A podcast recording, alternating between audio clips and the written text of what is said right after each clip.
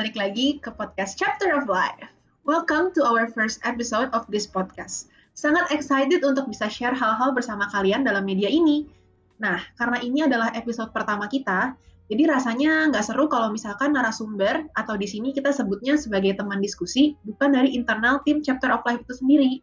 Oleh karena itu, hari ini yang akan menjadi narasumber atau teman diskusi utamanya adalah Ricky Wijaya selaku founder dari Chapter of Life dan di sini juga ada aku Sheryl dan juga Rifki. Halo semuanya, Halo. apa kabar? Halo, baik-baik. Gimana Halo, lagi PPKM darurat? iya, sekarang nggak bisa ke mana-mana ya. Bahkan iya. kayak keluar buat apa lari-lari aja nggak bisa. lagi seserem itu ya keadaannya. Yeah.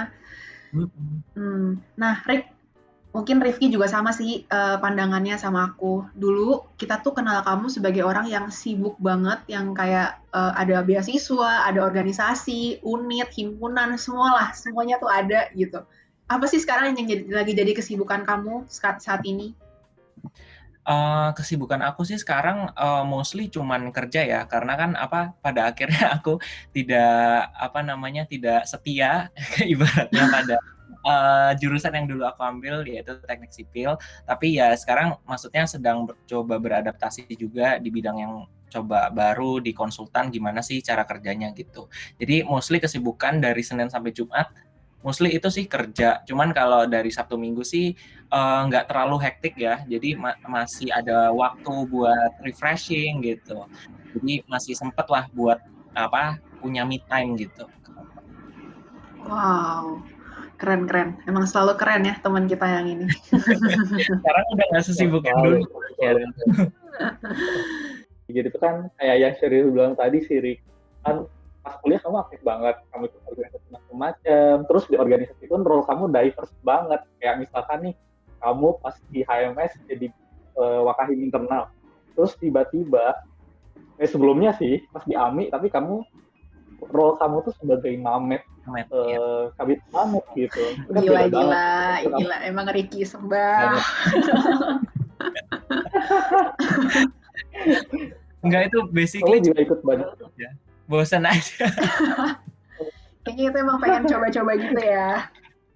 Iya, karena dulu waktu aku SMA itu aku benar-benar nggak ada nggak ada sama sekali pengalaman organisasi, bahkan kayak nggak ikut OSIS juga gitu. Jadi ketika apa namanya benar-benar dapat kesempatan kuliah merantau jadi coba semua yang bisa aku coba gitu.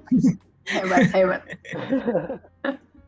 Terus selain organisasi yang tadi coba-coba banyak dan banyak itu kamu juga ikut beasiswa juga kan? Dan aktif juga nih ikut lomba-lomba kan? Kamu udah berapa kali menang lomba juga? kita bareng tos. Bareng bareng kan makanya aku tos. Tos virtual ya? Pasti dalam iya. Eh, tos virtual. Pasti dalam melalui hal itu semua kamu dihadapkan dengan banyak banget pilihan trik gitu kan. Nah pasti mungkin yang orang-orang sadar pilihan-pilihan yang kamu hadapin itu mungkin terkait pilihan-pilihan gede aja. Kayak misalkan duh gue uh, terima nggak ya tawaran dari si X terkait organisasi ini? Atau duh gue ikut lomba yang mana ya? Atau kayak beasiswa mana sih yang mau gue ambil? Nah itu kan pilihan-pilihan gede atau mungkin big choices lah ya yang perlu uh, mungkin perlu pemikiran yang enggak spontan untuk bisa nentuin uh, pilihan terbaik mana yang mau lo ambil. Nah, kamu sendiri memandang konsep pilihan tuh seperti apa sih, Rik? Ini langsung uh, nyambung ya berarti sama tema kita hari ini. Oh iya, tentang apa tuh? Iya. tentang pilihan ya berarti. Iya, oh. nyambung banget ya oh. tentang uh, life is about choices karena emang ya tiap hari kita selalu diperhadapkan sama pilihan-pilihan sama kayak yang tadi Rifki udah bilang sih. Kita tuh nggak sadar kalau sebenarnya itu adalah sebuah pilihan. Bahkan tiap hari kita mau makan apa kayak aku juga sering pusing-pusing sendiri sih kayak mau makan apa ya sekarang kan nggak bisa ke mana-mana iya, juga yeah, gitu jadi uh, pilihan yang tadinya udah banyak yang aku bisa pilih dari banyak macam sekarang jadi terbatas dan apa ya jadi mungkin kadang-kadang nggak sesuai sama preferensi apa yang aku suka gitu apa yang aku pengen gitu. Kayak aduh aku pengen makan ini tapi kayak aduh nggak enak nih kalau di take away atau gimana harus dine in. Tapi kan sekarang nggak bisa dine in juga ya. Jadi sebenarnya balik lagi pilihan itu adalah tentang apa ya masalah yang tadi Rifki juga bilang gitu kayak terkait uh, kadang-kadang itu kita juga memanipulasi apa yang ada di pikiran kita bahwa itu tuh sebenarnya udah jadi pilihan. Dan waktu aku kuliah aku juga pernah merasakan itu. Aku sering banget bimbang kayak milih A atau B gitu.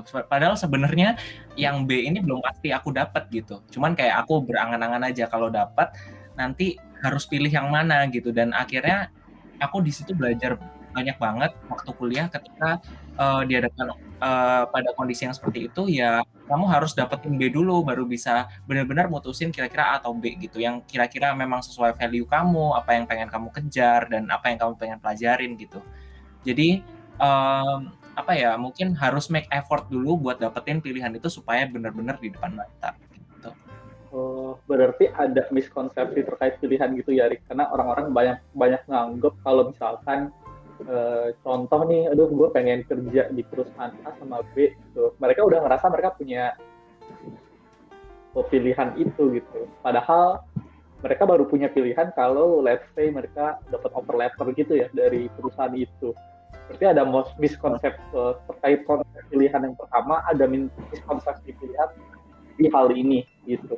Yang gitu ya, gitu ya. ya kalau aku sih melihatnya ini ya orang-orang banyak kebalik-balik antara pilihan sama apa namanya opportunity atau kesempatan gitu. Jadi ketika kesempatan itu lewat seakan-akan kayak oh itu pilihan gitu. Padahal sebenarnya perlu kamu kunci dulu itu jadi pilihan gitu.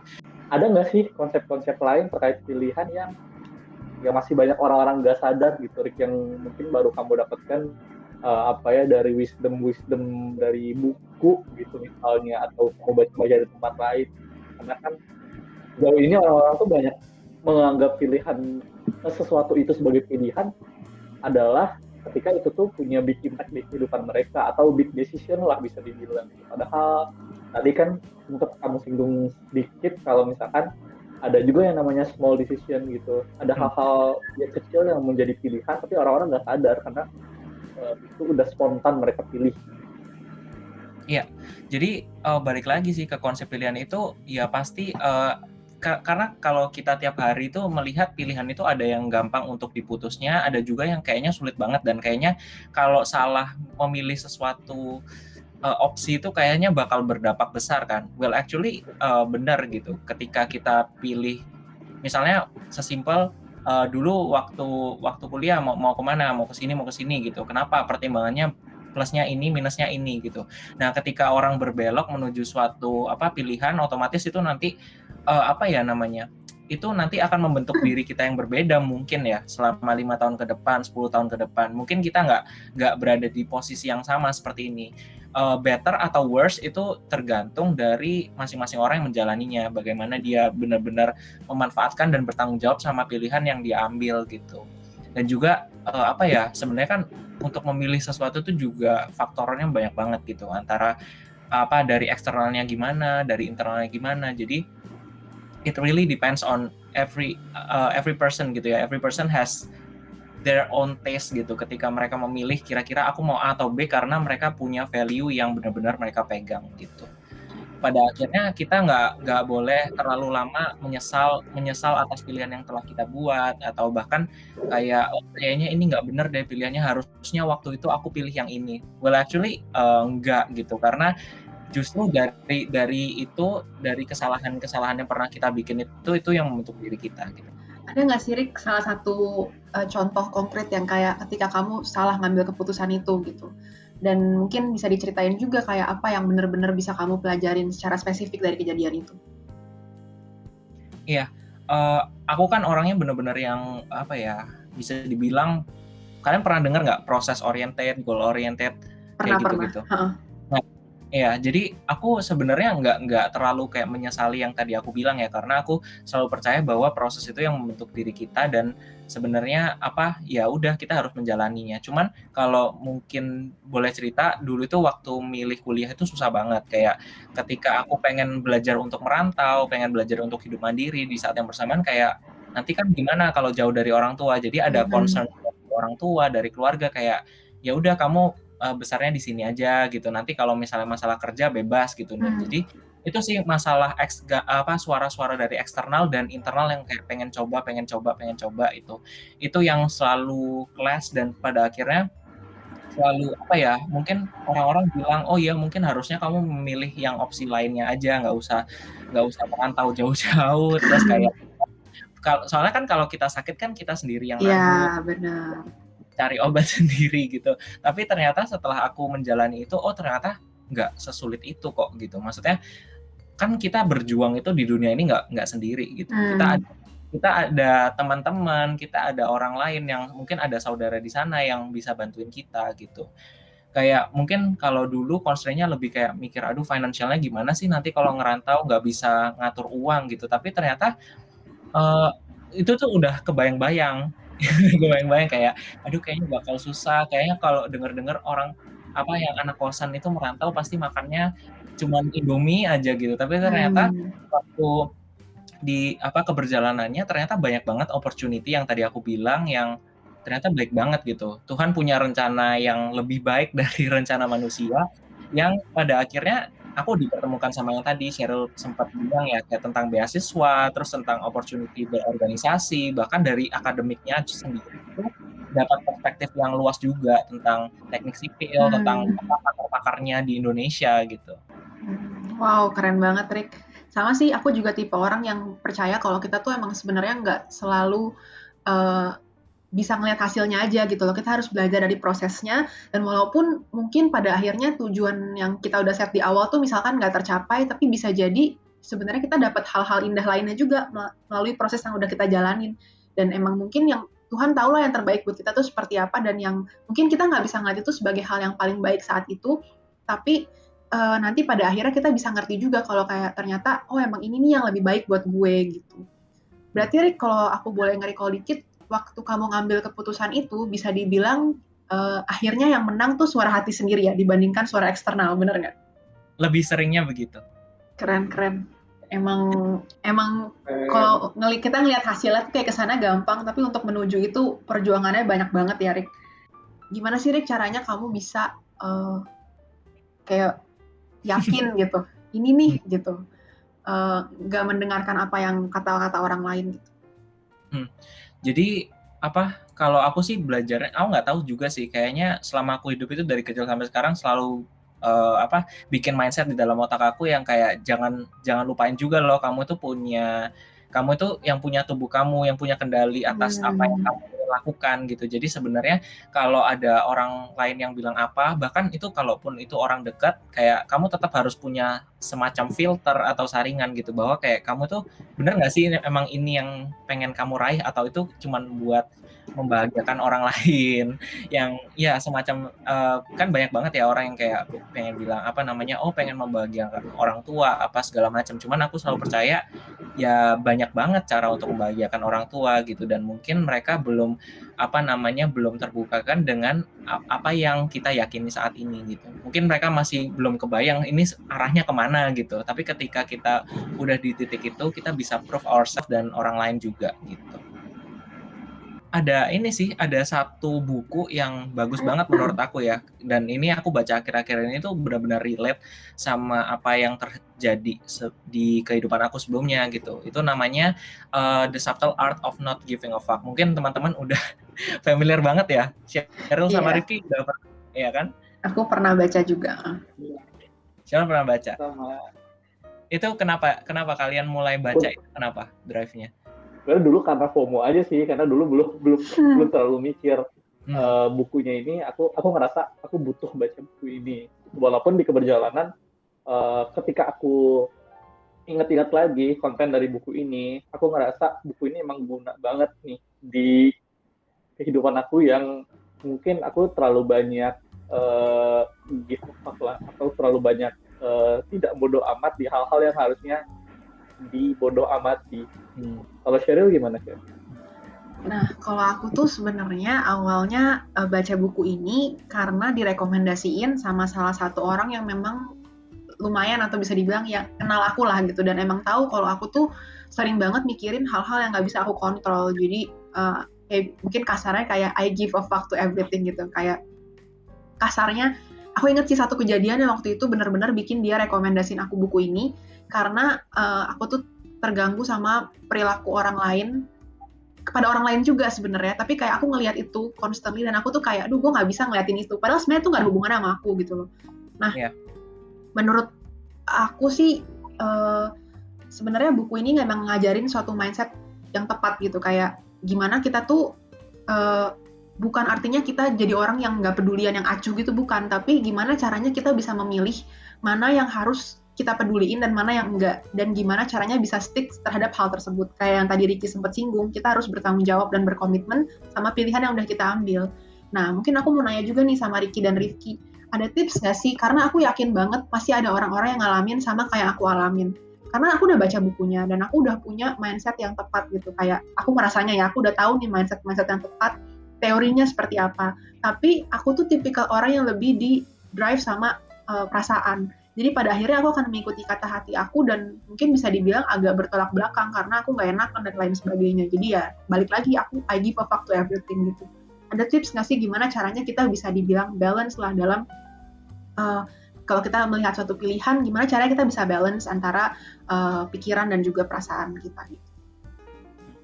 Kalau gimana ya ini gampang-gampang susah sih jawabnya karena uh, tiap orang punya pendekatan yang beda dan aku nggak tahu juga Cheryl bahkan aku nggak tahu ya dalam diri Cheryl itu nanti dia bakal seresponsif apa terhadap apa perilaku dari ya, orang benar. lain. Tapi kalau aku sih sesimpel ini sih kayak mungkin uh, kita aku juga pernah di posisi itu sih. Aku pernah di posisi kayak aduh aku terlalu takut kalau gerak dikit kayaknya salah salah deh gitu jadi mendingan aku ngikut aja kata orang gitu hmm. dan ya, maksudnya ya udah aku yang akhirnya melebur aja ke society gitu. hmm. cuman pada akhirnya aku mencoba untuk kayak ya udahlah sekali-sekali kayaknya sebagai society gue juga perlu didengar loh gitu hmm. kayak hmm. gue tuh punya gue tuh punya hak untuk didengar dan gue punya hak untuk bersuara juga gitu jadi gue kayaknya gue kadang-kadang uh, memaksakan itu di satu di satu waktu dan gue evaluasi. Gue nilai kayaknya benar nggak sih pendekatan gue uh, memaksakan kehendak gue itu dengan waktu dan juga kondisi yang tepat atau enggak. Karena balik lagi ya itu kadang-kadang juga ego kita nggak bisa dikontrol. Kadang-kadang ego kita overpowering gitu. Jadi akhirnya kita nyoba sekali tapi kayak bener-bener nggak mau dengerin orang lain yang kayak tadi bilang uh, Cheryl bilang gitu. Makanya aku bilang uh, buku ini tuh harus bener-bener dibaca dengan pikiran yang bener-bener open minded ya gitu. setuju banget Iya, karena kalau kalau orang yang udah benar-benar bodoh amat, terus kemudian dihajar dengan konten-konten buku ini, dia Makin bisa ngelunjak. Ya, gitu kayak ya, oh yang harusnya nyesuaiin gue gitu, bukan hmm. gue yang. Tapi tadi aku nangkep sih Rick poin kamu uh, yang harus hmm. mulai menyadari posisi ya berarti kayak kita tuh sebenarnya sama orang lain juga sejajar, jangan pernah merasa ya. kita kecil daripada orang lain. Betul. Kalau menurut Rifki gimana? Uh, ini sebenarnya tools yang pernah aku baca tapi nggak dari buku uh, The Social Art di ada satu tools namanya aturan 5 tahun 5 menit gitu jadi ketika suatu hal itu nggak berpengaruh besar di kehidupan kamu selama lima tahun ke depan uh, sebaiknya kamu jangan mikirin hal itu lebih dari lima menit karena itu buang-buang tenaga. Hmm. Karena toolsnya menurut aku useful ketika kita sadar bahwa kita sedang memikirkan uh, apa namanya kita sadar kita sedang overthinking gitu kan. Kita lagi mawas sendiri nih bahwa kita lagi terlalu uh, berpikiran uh, jauh lah terlalu jauh berpikir terkait suatu pilihan gitu. Tapi emang kadang uh, apa ya kita pun uh, kita kita sendiri yang nentuin kayak apakah suatu hal ini emang bakal berpengaruh uh, besar dalam uh, di kehidupan kita selama hmm. uh, di dalam lima, lima tahun ke depan gitu. Ya. Jadi lebih ke arah ini ya, kayaknya memilah-milah mana yang harus kita benar-benar perhatiin karena beberapa pilihan juga matter gitu ke kehidupan kita. Tapi ada beberapa hal yang kayak mungkin sebenarnya bisa kok kita putuskan dengan cepat gitu. Walaupun at the end kita nggak terlalu happy mungkin dengan hasilnya gitu. Tapi aku juga penasaran sih, sekarang kan uh, zaman sekarang itu opsinya makin banyak ya. Misalnya kita ke fashion store itu banyak banget. Kita mau dari atasan bawahan itu udah ada regular fit, slim fit, terus ukurannya beda, warnanya beda gitu kan. Preferensi orang jadi sebenarnya harusnya lebih gampang kan secara intuitif untuk memilih kalau dikasih opsi kita kayaknya oh lebih suka warna biru daripada warna merah. Otomatis kita kayak oh ada opsi lah daripada cuma dapat warna merah doang gitu. Hmm. Nah, somehow di zaman sekarang itu orang-orang banyak yang tidak merasa happy gitu dengan dengan terlalu banyak pilihan. Menurut kalian gimana? Jujur aku salah satu produk yang bingung sih kalau misalkan pilihan terlalu banyak. Ya jangan jangankan ngomongin baju gitu ya. Mungkin kalau ngomongin baju kita lebih tahu kayak oh yang gue lagi butuhkan saat ini apa. Tapi kayak tadi yang Rifki ngomongin kayak makanan gitu, tuh pusing banget kayak milih makanan tiap hari itu adalah kebingungan setiap orang, apalagi anak kos. Duh bingung banget tuh tiap hari. Niatin Gojek aja sampai dua jam kali nggak ketemu-ketemu. Bahkan pernah temen aku cerita dia bilang aku bingung banget milih makan apa. Akhirnya udah dua jam ngeliatin Gojek akhirnya nggak jadi makan. Karena ya udah nggak tahu mau makan apa gitu. Bingung. kenyang. Ya kenyang sendiri. Iya kenyang ngeliatin makanan kali ya. Benar sih sebenarnya itu benar banget menurut kayak uh, sama sebenarnya seperti oh, mungkin itu hal kecil adalah makanan tapi hal besar misalkan karir. Semakin kita dikasih kebebasan untuk bisa milih apa aja, semakin kita kayak, oh kamu boleh kok jadi apa pun yang kamu mau. Semakin kita tuh bingung kayak, duh pilihannya tuh terlalu banyak dan gimana caranya supaya kita bisa benar-benar yakin kayak uh, mana sih yang yang terbaik buat kita gitu. Mungkin kita nanti perlu sesi khusus kali ya bahas tentang decision makingnya ya kalau untuk hal itu. Tapi aku setuju banget bahwa uh, terlalu banyak pilihan malah membuat bingung sendiri gitu. Kalau dari Rifki gimana? Ada yang namanya konsep minimalisme gitu. Kan orang-orang yang minimalisme itu kayak misalkan Mark Zuckerberg ya kan bajunya gitu, gitu aja kan. Hmm. karena abu-abu putih hitam gitu gitu aja gitu kan. Enggak kan dia dia meminimalisir eh, hal-hal yang harus dia pilih sehari-hari. Jadi ya udah dia pakai uh, bajunya ya gitu-gitu aja. Jadi dia nggak perlu pusing mikirin hmm. baju apa yang mau dia pakai Iya itu kejadian banget sama aku juga sih Ki dan Sheryl. Ya, kalau aku kan uh, sebagai anak kosan bingung ya kadang-kadang sarapan atau enggak, sarapan atau enggak gitu. Terus kadang-kadang juga pola makannya jadi nggak teratur.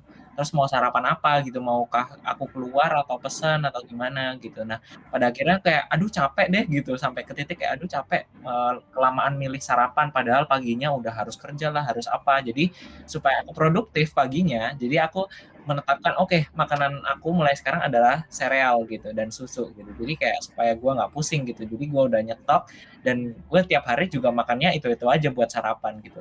Dan ya, at the end itu membuat diri gue lebih happy sih. Walaupun dengan pilihan yang semakin terbatas yang kayak ya udah lu udah pasti makannya ini gitu buat sarapan. Tapi somehow gue lebih happy karena gue bisa lebih produktif di satu hari penuh itu Berarti kita bisa belajar kalau emang ketika pilihan itu banyak, cara kita untuk bisa menseleksinya adalah dengan keep it minimal gitu ya, kayak yang bisa membuat hidup kita lebih mudah gitu. Benar-benar. Dan aku malah ngelihatnya ketika kita satu hari jadi nggak makan sereal, kita akan lebih menghargai sarapannya, ya kan?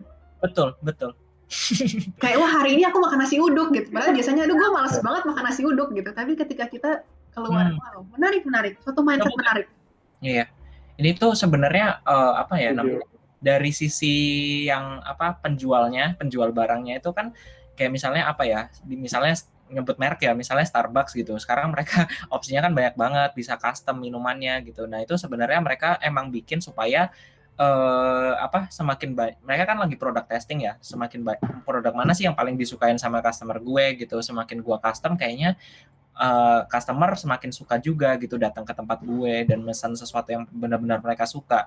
Cuman ya itu tadi dari sisi kitanya sebagai konsumen kadang-kadang kita juga harus pilah mana yang harus kita benar-benar perhatiin dan uh, kapan kita bodo amat. Gitu.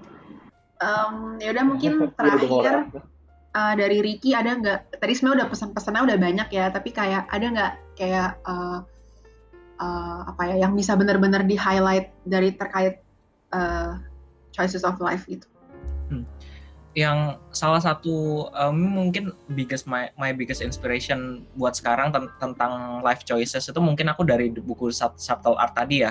Walaupun aku emang basicnya emang bodo amat, tapi aku menemukan beberapa apa quotes yang menurut aku tuh uh, bagus banget gitu. Kayak salah satunya yang aku selalu ingat-ingat sampai sekarang itu banyak orang itu zaman sekarang selalu terobsesi buat memilih sesuatu yang benar gitu, sesuatu yang benar dalam tanda kutip ya.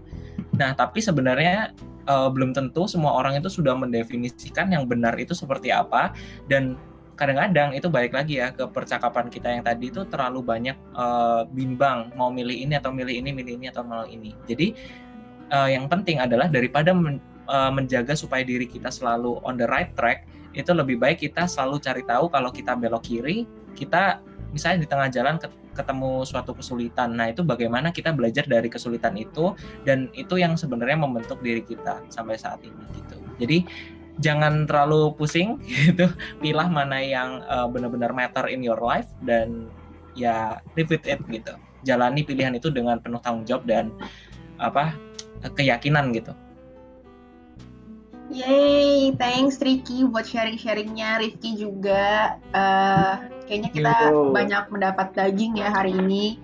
Um, Yes, dari hal-hal kecil, dari sebuah serial gitu ya, kita bisa belajar uh, banyak hal dari sana. Thank you, stay safe semuanya. Thank you semuanya, bye. Bye.